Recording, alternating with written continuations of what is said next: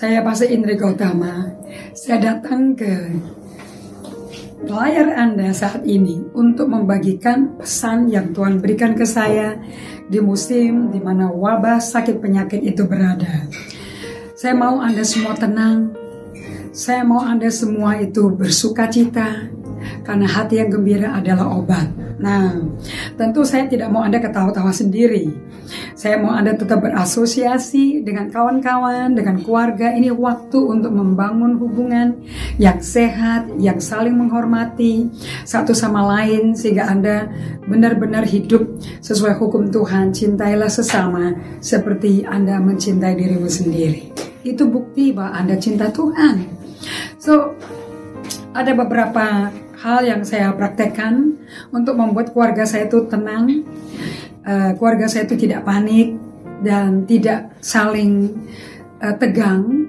Ada keluarga tegang yang tidak berbicara, ada yang tegang karena rame sendiri. Apa pun situasinya, kita sebagai agen perubahan Tuhan bisa membawa perubahan. Amin. So nomor satu, dikatakan saya selalu ingat ayat ini, ulangan 29 ayat 29. Tuhan berfirman, hal-hal yang tersembunyi ialah bagi Tuhan Allah kita. Tetapi hal-hal yang dinyatakan ialah bagi kita dan bagi anak-anak kita sampai selama-lamanya. Supaya kita melakukan segala perkataan hukum Taurat Nah kalau Anda mau tahu perkataan hukum Taurat itu ada di kitab kejadian, keluaran, imamat, bilangan, ulangan. Baca, ini musim yang tidak lebih cocok daripada segala musim hidup kita yang selama ini diburu-buru, buru-buru, sibuk ini, sibuk ini, musik atur ini, atur ini. Tegang, emosional, frustrasi, akibatnya kita melukai saudara satu sama lain. Kita kan mesti mengalami melalui proses social distancing bukan? Di mana kita menjaga jarak supaya kita melindungi satu sama lain dari tertular. Nah, tujuannya apa? Supaya kita bangun hubungan dengan Tuhan. Inilah satu-satunya cara. Markus 1 ayat 35, 36, Lukas 5 ayat 15, 16. Yesus aja melakukan social distancing. Di tengah-tengah dia melakukan mujizat, selalu dia mengindarkan, mengundurkan diri ke tempat sunyi untuk berdoa. Setelah itu selalu ada mujizat terjadi afternya setelah itu. So kita ikuti ya, kan kita pengikut Kristus. Ikuti gaya hidupnya Yesus sebagai pengikutnya dia.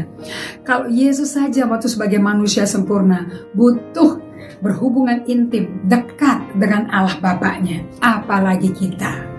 So doa adalah budaya. Doa adalah apa yang membuat kita dekat dengan Tuhan. Itu yang kita tahu, kita mesti lakukan. Yang kita tahu juga dari segi medis adalah terutama dalam usia seusia saya ini, jaga daya tahan tubuh. Body immunity caranya harus itu prima supaya prima Anda tidur cukup.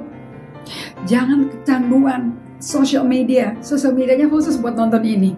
Sesudah itu jangan istirahat, buka mesbah keluarga, kita undang sosmed dari surga, di mana Yesus hadir dengan malaikatnya dan malaikat yang berperang buat kita, dan Tuhan berperang buat kita, seperti Raja Yosafat. Amin.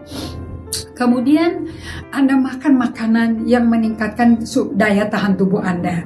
Tentu makan makanan yang berkhasiat vitamin C. Ada juga minum ekstra suplemen.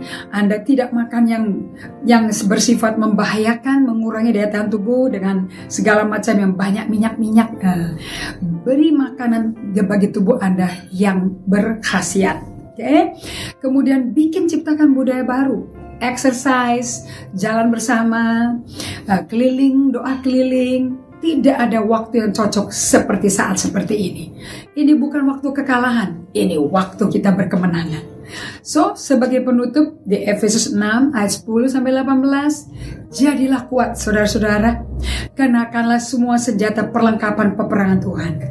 Pembaruan pikiran Anda, lengkapi pikiran Anda dengan pikiran yang mulia, suci, adil, yang manis, sedap didengar, patut dipuji disebut kebajikan. Atur pikiranmu di situ. Jangan yang teror, menteror Anda. Jangan yang menakut-nakutkan.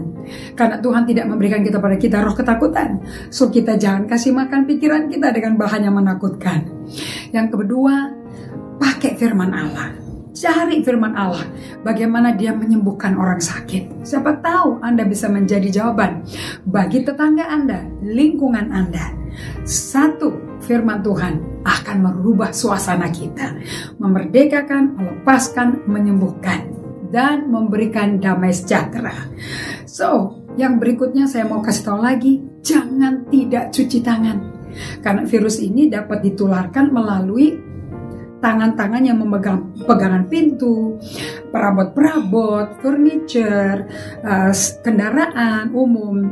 Jangan lupa tiap kali habis memegang, lap tangan Anda dengan antiseptik, cuci tangan sebanyak mungkin, kayak pakai dryer, dan Anda akan aman. Keluarga pun akan aman.